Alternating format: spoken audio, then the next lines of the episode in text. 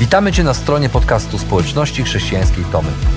Mamy nadzieję, że rozważanie, które za chwilę usłyszysz, zainspiruje Cię do zrobienia kolejnego kroku w Twojej relacji z Bogiem.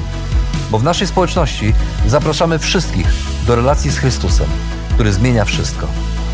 Dziękujemy za Twoje zainteresowanie i zapraszamy Cię do polubienia naszego profilu na Facebooku, Instagramie i YouTubie oraz ściągnięcia darmowej aplikacji na smartfona. Dobrego słuchania.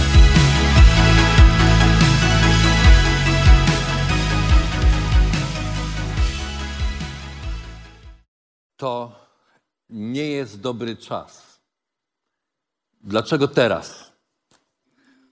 Tak zapowiada mój kolega, który pokazał mi pismo e, zwalniające go z pracy w firmie, w której jeszcze kilka tygodni temu zakończył z powodzeniem duży biznesowy projekt. Gdzieś na fali tego projektu i świadomy tego, że dostanie dobre pieniądze, e, wziął kredyt i wydawało mu się, że za chwilę życie potoczy się inaczej, a okazało się, że, że właśnie teraz dostaje wypowiedzenie. To nie jest dobry czas. Dlaczego teraz? Zapytała młoda dziewczyna, która właśnie dowiedziała się, że ma białaczkę, a, a dopiero co zdała, dostała się na studia, na wymarzone studia i życie takie, jak sobie wcześniej wyobrażała, jak sobie wymarzyła, stanęło przed nią otworem. To nie jest dobry czas. Dlaczego teraz? Zapytali starzejący się rodzice, którzy właśnie dowiedzieli się, że ich córka z zięciem podjęli decyzję o przeprowadzce do innego kraju. A mieli nadzieję, że teraz, kiedy wnuki poszły na studia, że teraz wreszcie będą mogli liczyć na ich codzienną pomoc. To nie jest dobry czas. Dlaczego teraz? Dlaczego ja? Są takie chwile, kiedy naraz niespodziewanie spadają na nas jak grom z jasnego nieba wiadomości czy wydarzenia, które zwyczajnie po ludzku nie mają sensu, które zdają się zaprzeczać zdrowemu rozsądkowi, które zdają się zaprzeczać logice wydarzeń, takiej naturalnej kolejności rzeczy. Niespodziewane zwolnienie z pracy, nagła choroba, odejście kogoś bliskiego, wojna. Te wydarzenia, one, tak jak powiedziałem, spadają na nas jak grom z jasnego nieba i Próbujemy jakoś znaleźć sens w tym wszystkim, bo wszystko to, co do tej pory się działo, układało się w pewną całość, logiczną całość. Robiliśmy plany, zakładaliśmy, że wszystko będzie dobrze, i nagle jedno wydarzenie, jedna wiadomość, jedna chwila. I stoimy w miejscu, w którym rozkładamy ręce i zadajemy pytanie. To nie jest dobry czas, mówimy. Dlaczego teraz? Dlaczego ja? W takich chwilach Wydaje się, że nic nie ma sensu. Życie nie ma sensu, relacje nie mają sensu i nawet Bóg nie ma sensu. Wydaje się być w najlepszym razie może gdzieś ukryty, a w najgorszym razie mamy poczucie, że jest totalnie nieobecny, że nie ma go, że zasnął, odpoczął, zapomniał, przegapił. I nawet kiedy pozwolimy sobie na myślenie, że no może nie, że jest nieobecny, ale gdzieś bardzo, bardzo, bardzo głęboko ukryty, to i tak e, nie przynosi to specjalnego pocieszenia. I tak było właśnie w przypadku starego Żyda, Mordochaja i jego kuzynki Estery.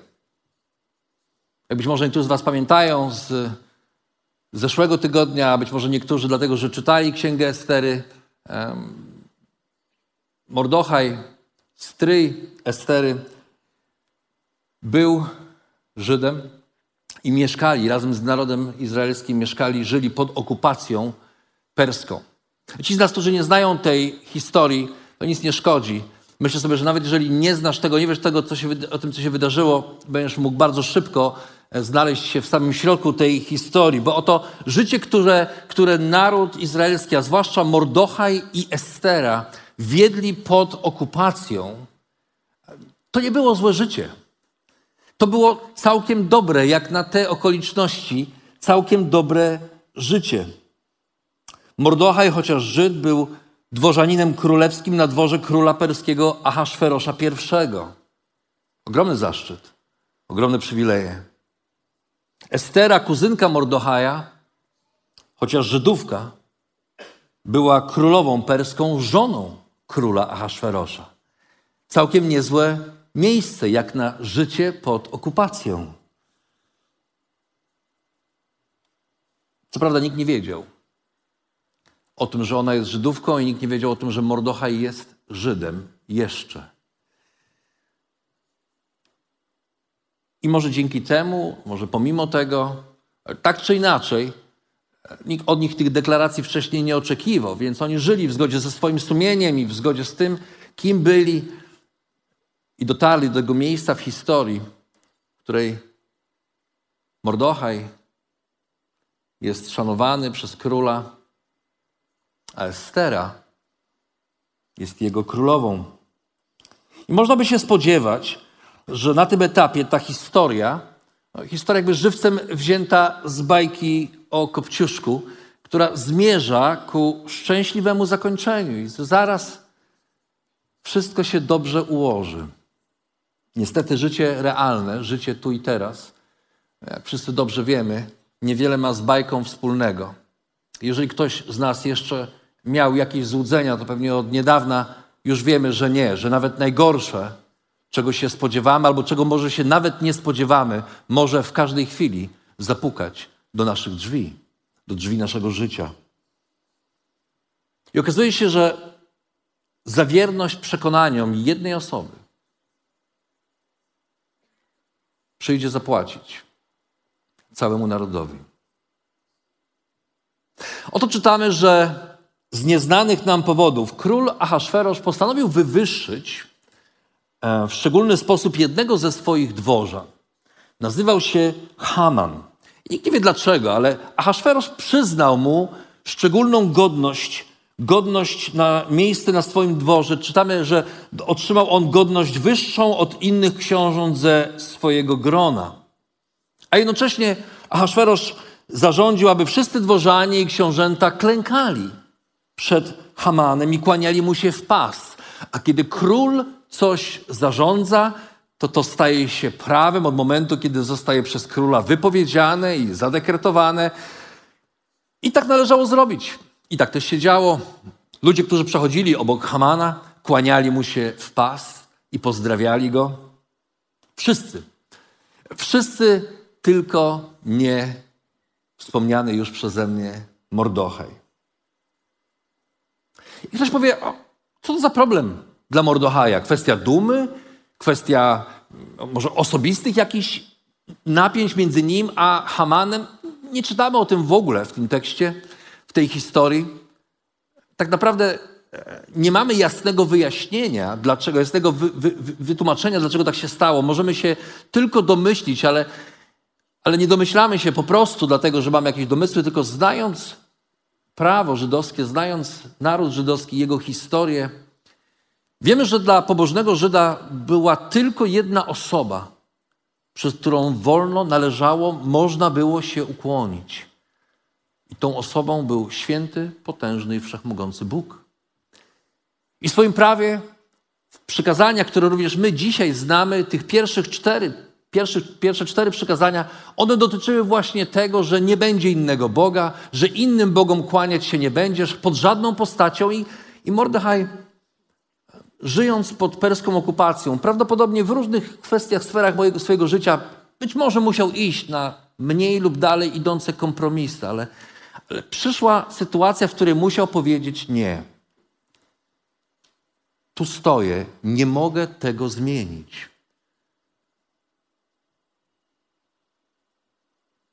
I Haman z początku nie zauważył, że jakiś Mordochaj mu się nie kłania, ale wiecie, w takich sytuacjach zawsze pojawią się życzliwi. E, życzliwi albo uprzejmie donoszę, I właśnie paru takich życzliwych e, zwróciło się bezpośrednio do, do Hamana i powiedzieli mu, że Mordochaj nie oddaje mu, nie, nie oddaje mu pokłonu.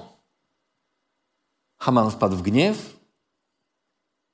A kiedy jeszcze dowiedział się, bo właśnie w tym momencie tej historii Haman dowiaduje się, że Mordochaj nie, jest, jest, nie tylko nie jest Persem, ale jeszcze jest Żydem. A on sam, Haman, pochodził z rodu Amalekitów, czyli z rodu, który od wieków był wrogiem Izraela, albo na odwrót, dla niego każdy Żyd był jego wrogiem. Pomyślał sobie, o nie, o nie, tak nie będzie. Nie pozwolę na to, żeby jakiś Żyd nie kłaniał mi się, podczas gdy nawet inni Persowie kłaniają mi się w pas. A ponieważ uważał za uwłaczające to, żeby zajmować się jakimś tam jednym Żydem, Haman wymyślił większą operację. I powiedział: Co mi tam jeden Żyd? To nikogo niczego nie nauczy. Po co nam w ogóle Żydzi w tym kraju? I zaproponował ostateczne rozwiązanie kwestii żydowskiej w królestwie Persów. Poszedł do króla i poprosił go, aby ten wydał dekret, który pozwoli na wymordowanie wszystkich Żydów w tym kraju. I król, który bardzo szanował Hamana, zgodził się na to, a kiedy rzucono losy, okazało się, że e, termin, data została wyznaczona, data ostatecznego rozwiązania i tą datą było 12 miesięcy później. Okolice lutego, marca, 12 miesięcy do przodu. Więc Haman miał dużo czasu, żeby się przygotować. Co więcej, powiedział, ta operacja e, zostanie dobrze sfinansowana i zatroszczył się o to, aby wszyscy ci, którzy, którzy, którzy mieli usłyszeć tę wiadomość, aby ta wiadomość dotarła do nich w odpowiednim czasie i w odpowiedni sposób. Wydał więc król stosowny dekret, król rozesłał go do wszystkich prowincji swojego królestwa, a potem czytamy, że kiedy to się stało, król i Haman zasiedli do picia. Bardzo lubię te fragmenty Pisma Świętego, kiedy są tak bardzo życiowe, opisują to, co się, no, no, to, co się naprawdę działo i możemy sobie to wyobrazić. Jak upojony sukcesem Haman zasiada z królem i piją, bo mają co świętować. Haman ma co świętować. Był drugim najpotężniejszym człowiekiem w państwie i za, za 12 miesięcy, według dekretu królewskiego i losów, które rzucił, miało dokonać się to, co później, wiele wieków później, ktoś eufemistycznie przekuł w stwierdzenie ostateczne rozwiązanie kwestii żydowskiej w Imperium Rzymskim, perskim, przepraszam. To nie jest dobry czas. Dlaczego teraz? Jakby, jak gdyby kiedykolwiek był dobry czas na śmierć, morderstwo, ludobójstwo. To nie jest dobry czas. Dlaczego teraz? Jak gdyby kiedykolwiek był dobry czas na złe wiadomości, te wiadomości, które ścinają nas z nóg, które sprawiają, że wszystko to, na czym budowaliśmy swoje życie do tej pory, nagle się wali. I zastanawiamy się, co powinniśmy zrobić.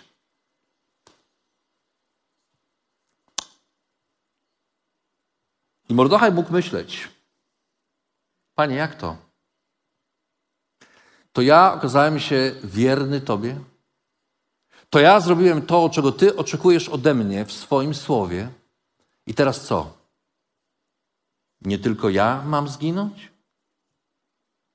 Cały mój naród ma zginąć? Za co? Z powodu jednego człowieka, z powodu posłuszeństwa jednego człowieka?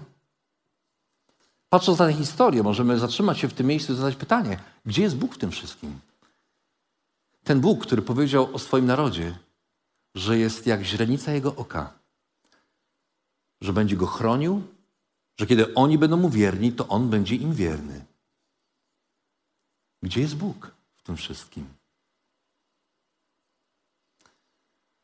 Okazuje się, że czasami Bóg stawia nas w niezrozumiałych okolicznościach, abyśmy w stosownym czasie mogli okazać Mu naszą wierność pomimo przykrych konsekwencji.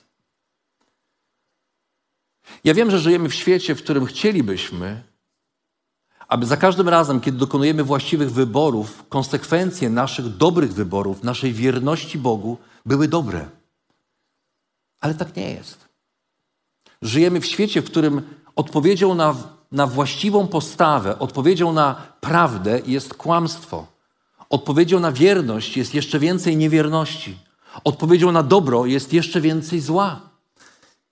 I nie bądźmy, nie miejmy złudzeń. Księga Estery uczy nas tego, że czasami za nasze dobre decyzje, dobre wybory przyjdzie nam zapłacić cenę. I to cenę, której nawet się nie spodziewaliśmy, że będzie do zapłacenia. Tak jak, tak jak mężczyzna, który patrząc na swój rozkład tygodnia, widzi, że tych godzin w pracy jest coraz więcej i więcej i więcej. I w końcu mówi dość. Idzie do szefa i mówi: Nie mogę tyle pracować. Proszę pomóc mi uporządkować mój rytm pracy, albo proszę skrócić to, bo ja muszę być w domu z żoną i z dziećmi. To jest wybór, którego dokonuję, nawet jeżeli będzie mnie kosztował finansowo, czy może jeżeli szef będzie myślał o mnie źle. Ale moja rodzina, moja żona, moje dzieci nie mogą żyć z nieobecnym ojcem. I taka osoba, zamiast zostać poklepana po plecach, zamiast zostać postawiona za wzór rodzicielskiej uczciwości,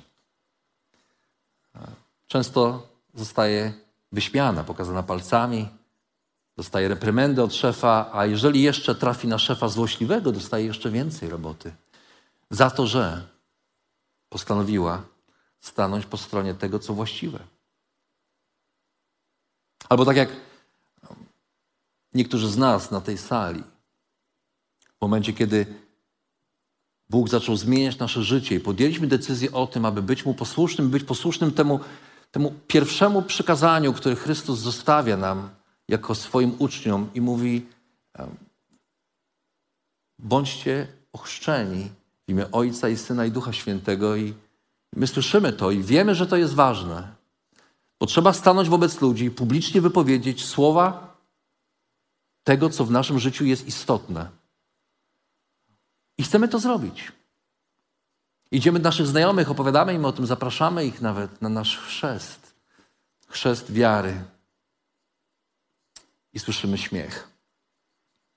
I słyszymy żarty. A jeżeli jeszcze jesteśmy niepełnoletni, być może doświadczamy tego, że nasi rodzice nie rozumieją naszej decyzji i nie pozwalają nam, by się ochrzcić. A jeżeli jesteśmy pełnoletni, to nawet wtedy nasi rodzice, przyjaciele, znajomi, rodzina, najbliżsi pukają się w głowę i mówią: Zwariowałeś? A czasami niektórzy z nas na tej sali usłyszeli, że jeżeli tylko zrobisz to,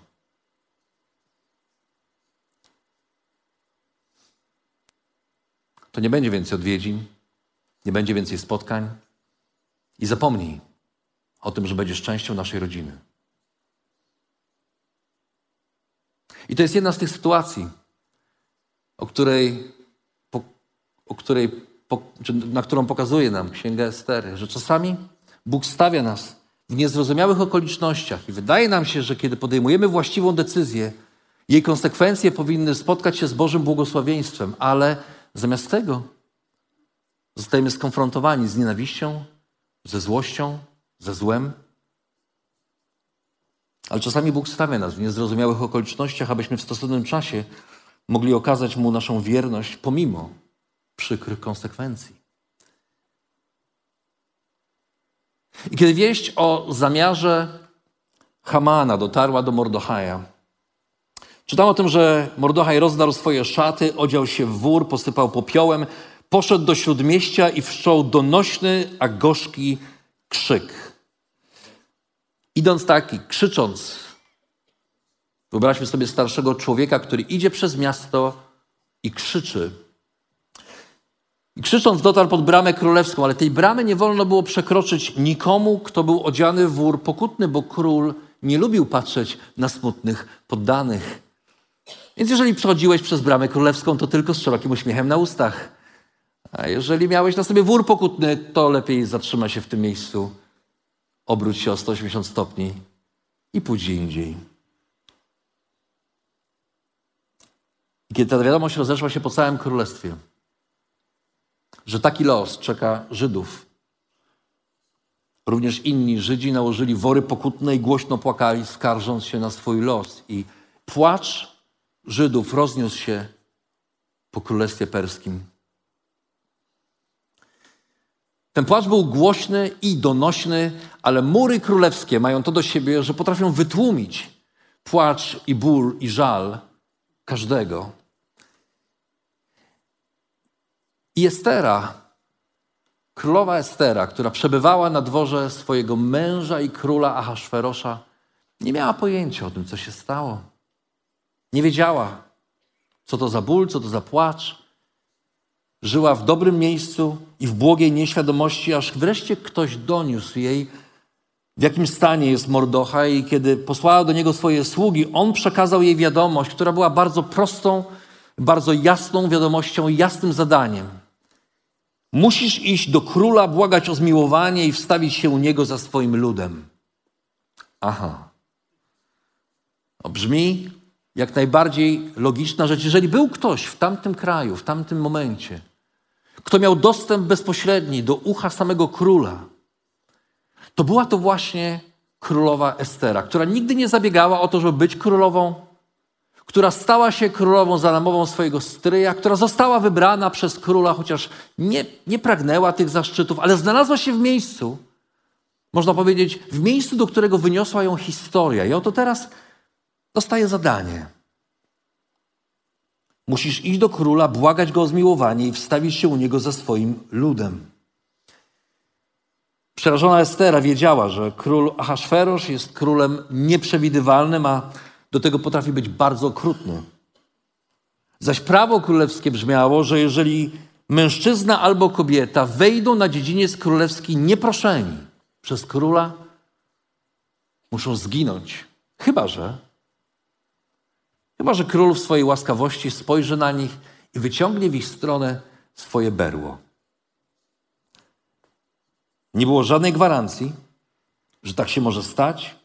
Co więcej, nikt jeszcze nie wiedział, że Estera również jest Żydówką, a więc przyjście do króla oznaczało, że będzie musiała ujawnić to, kim jest z pochodzenia i że jest częścią tego narodu, który ma zostać wytępiony. Ale król nie wzywał jej już od miesiąca. Nie było żadnego powodu, żeby przyszła do niego. A więc Estera ryzykowała to, że jeżeli przekroczy próg dworu królewskiego, jeżeli tylko to się nie spodoba królowi, po prostu zginie, zanim zdąży wypowiedzieć pierwsze słowo. I dlatego w pierwszym odruchu serca i, i zdrowego rozsądku Stara powiedziała stryjowi: Nie mogę tego zrobić. Nie dam rady. To jest po prostu niemożliwe. To będzie kosztować mnie moje życie. I kiedy taką odmowną wiadomość przekazała swojemu stryjowi, wtedy Mordechaj wypowiedział najważniejsze słowa w całej księdze Estery. Nie wyobrażaj sobie, że ty jedna spośród wszystkich Żydów ocalejesz dlatego, że jesteś w pałacu królewskim. Bo jeśli ty w takim czasie będziesz milczeć, ratunek i ocalenie dla Żydów przyjdą skądinąd, z innego miejsca. Lecz ty i dom twego ojca zginiecie. Kto zaś wie, czy godności królewskiej nie osiągnęłaś właśnie na taki czas jak ten. Nie wyobrażaj sobie, że przeżyjesz, mówi Mordochaj, tylko dlatego, że jesteś królową. zginiesz, ty i przepadnie dom Twojego ojca. Ale Bóg przyjdzie z rozwiązaniem. To jest niezwykłe, że Mordochaj ciągle, pomimo swojego smutku i żalu i rozpaczy, wierzy głęboko w swoim sercu, że Bóg znajdzie rozwiązanie i, u, i zachowa swój lud, i uchroni swój lud. W jakiś sposób to zrobi.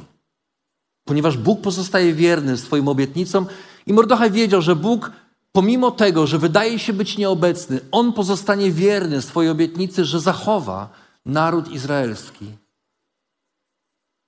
Nawet jeżeli królowa Estera zdecyduje się nie mówić ani słowa. Ale Mordochaj mówi, kto wie? Kto wie? Może właśnie dlatego Bóg uczynił cię perską królową, aby w czasie takim jak ten użyć swojego wpływu i ocalić nie tylko siebie, ale cały naród. Okazuje się, że czasami Bóg rzeczywiście stawia nas w niezrozumiałych okolicznościach po to, żeby w stosownym czasie użyć nas dla dobra innych. 5 sierpnia 2010 roku w wyniku tąpnięcia i zawalenia się szybu wiertniczego w kopalni, w kopalni miedzi i złota San Jose 33 chilijskich górników zostało uwięzionych pod ziemią w komorze górniczej o powierzchni 50 metrów kwadratowych. 33 facetów, 50 metrów kwadratowych, 700 metrów pod ziemią. Prawie kilometr pod ziemią. Szanse na wydostanie ich wynosiły 2%. Cały świat przez 69 dni obserwował próby ratowania uwięzionych górników. Być może pamiętacie, jak wywożono ich w takich specjalnych kapsułach, jeden po drugim. I wszyscy mogli to oglądać na żywo. Wszystkie stacje telewizyjne wstrzymały swoje programy i można było widzieć coś, czego jeszcze nigdy wcześniej, operacje, której nigdy wcześniej nie przeprowadzono w historii, w historii świata. Ale zanim to się stało, tych 33 górników stłoczonych na 50 metrach kwadratowych, 33 osoby w małym mieszkaniu, 700 metrów pod ziemią. Siedziało i zastanawiało się, co dalej, niepewni własnej przyszłości. Właściwie można powiedzieć, że ta przyszłość nomen omen rysowała się w ciemnych barwach. I w takich chwilach człowiek zaczyna robić rozrachunek ze swoim życiem. Myślę, że każdy patrzy na swoje życie i zastanawia się, co wyszło, a co nie, co się udało, co się nie udało. W pewnym momencie któryś z górników zawołał do Jose Henriqueza, 54-letniego górnika, o którym jego koledzy wiedzieli, że jest naśladowcą Chrystusa. I zawołał do niego Jose. A może byśmy się tak pomodlili? Dobrze powiedział Jose, uklęknijmy. I w ciszy zawalonej kopalni, 700 metrów pod ziemią, 50 metrów kwadratowych, 33 mężczyzn, klęcząc, powtarzało za Jose Henriquezem: Panie, zmiłuj się nad nami. Jesteśmy grzesznikami. Potrzebujemy Ciebie. Po ludzku nic uczynić nie możemy. Potrzebujemy Twojej pomocy. Potrzebujemy Ciebie. A kiedy skończyli się modlić, spojrzeli na Jose i zapytali, co teraz? Jose powiedział: Wyznawajcie swoje grzechy. Wyznawajcie swoje grzechy przed Bogiem. I nagle 700 metrów poniżej ziemi, w okolicznościach, których nie bylibyśmy w stanie sobie nawet wyobrazić, a na pewno nie zaplanować, rozpoczęło się duchowe przebudzenie dla 33 uwięzionych w tamtym miejscu górników. Panie, jestem alkoholikiem, przebacz mi, zawołał jeden. Panie, przepraszam Cię za mój gniew. Zawołał drugi. Boże, nie byłem dobrym ojcem dla swojej córeczki. Proszę, przebacz mi.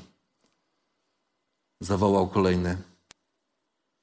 I od tego dnia codziennie, chociaż trudno było liczyć dzień za dniem w tamtych warunkach, ale każdego, każdego dnia Jose, Jose Henriquez, który został pastorem Jose, uczył ich z tego, co pamiętał z Bożego Słowa, a oni razem modlili się i oddawali cześć Bogu. Nie miał przy sobie Biblii, ale miał ją w swoim sercu. I w tamtej chwili, na czas taki jak ten, stał się dla nich drogowskazem, aby uniknąć, albo drogowskazem do ratunku, ale nie tylko ratunku tu i teraz na tej ziemi, ale drogowskazem do wiecznego ratunku ich życia, dla ich życia.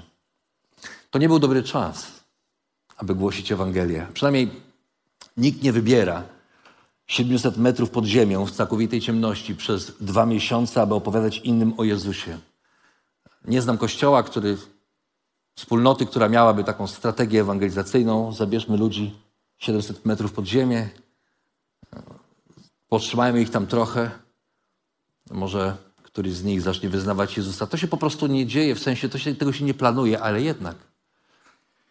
A jednak okazuje się, że to był najlepszy czas, aby głosić Ewangelię, choć nikt nie wybrałby sam takich okoliczności. I być może ten 54-letni Jose Enrique, Enriquez, Henriquez, który został górnikiem i znalazł się pośród uwięzionych pod ziemią właśnie na taki czas jak ten, aby uratować kilkudziesięciu innych mężczyzn nie tylko od śmierci fizycznej, ale od śmierci na wieki, być świadectwem dla wielu, że Bóg działa przez nas nawet w najmniej sprzyjających okolicznościach. Być może właśnie,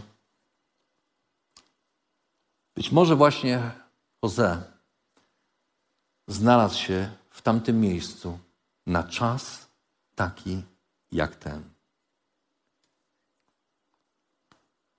I być może Ty też dzisiaj stajesz w obliczu okoliczności, które pozornie nie mają sensu. Bo jaki sens? Jaki sens w tym, żeby zostawić swój dom i uciekać w nieznane, kiedy tam Twoja służba, Twój kościół, Twoja wspólnota, Twoja misja, wszystko to, co robiłeś, żyło i mogło funkcjonować dalej. I myślisz sobie, po co tu jestem? Albo patrzysz na okoliczności swojego życia i na to, jak stanąłeś w obliczu ogromnej tragedii, albo stanąłeś w obliczu nagłej choroby, albo dowiedziałeś się, że właśnie coś absolutnie niespodziewanego wydarzyło się w życiu Twoim i Twojej rodziny. Myślisz sobie, Boże, teraz? Teraz? Może znalazłeś się w miejscu pracy, w którym nie ma innych wierzących ludzi. I kiedy siadasz z nimi przy kawie czy przy herbacie, gdzieś w przerwie, rozmawiacie o tym, co się dzieje i słuchasz, jak są zawiedzeni ludźmi, polityką, rządami, Bogiem. Kto wie? Kto wie? Może właśnie Bóg postawił Cię w miejscu, w tym miejscu, na czas taki jak ten. Może właśnie całe życie, poprzez kazania, które słyszałeś, grupy AHA, w których uczestniczyłeś, poprzez modlitwy, które, które prowadziłeś, czy których byłeś częścią, poprzez spotkania, wieczory uwielbienia, poprzez spotkania dla dzieci, poprzez nabożeństwa takie jak to, być może przez całe życie, Bóg przygotowywał Cię właśnie na czas taki jak ten,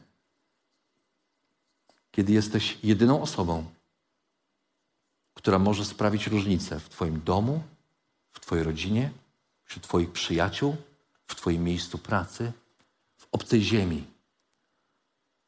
w której się znalazłeś. I może zamiast myśleć o tym, jak to jest mi źle, jak to jest straszne, jak to jest trudne, że w tym miejscu się znalazłem, bo to można.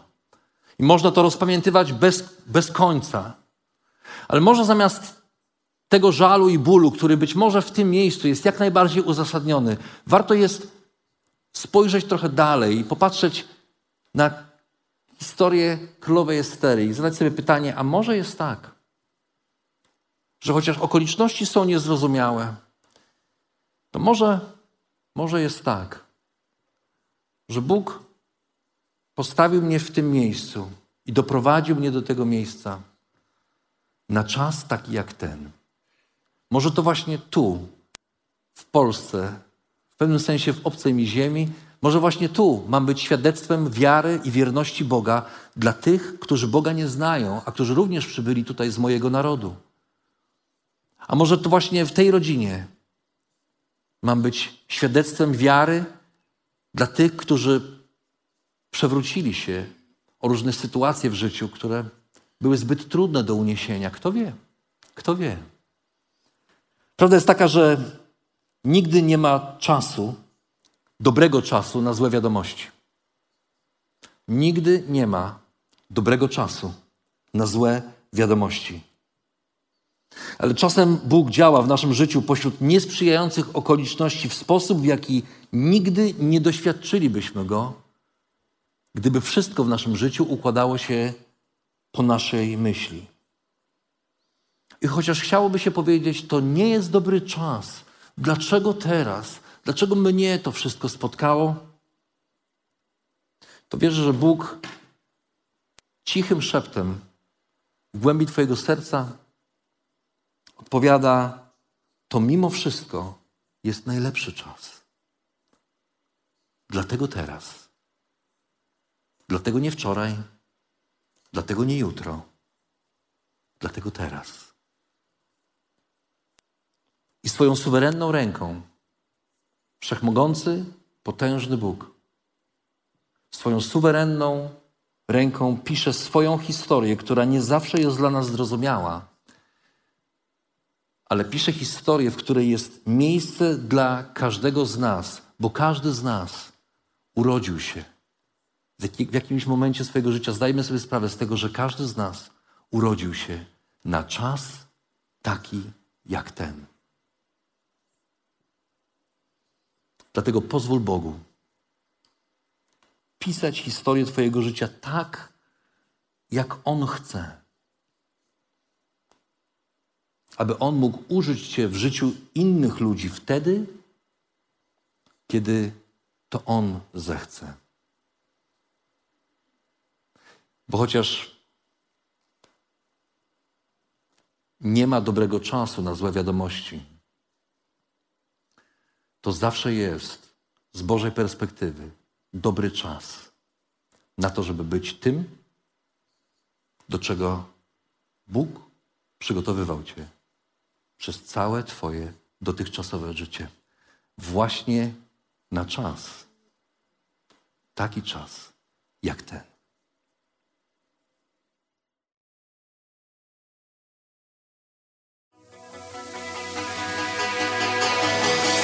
Jeszcze raz dziękujemy za wysłuchanie naszego rozważania. Jeżeli mieszkasz w okolicach Tomaszowa Mazowieckiego lub Łodzi, zapraszamy Cię do odwiedzenia nas na niedzielnym nabożeństwie. Więcej informacji znajdziesz na stronie schatomy.pl.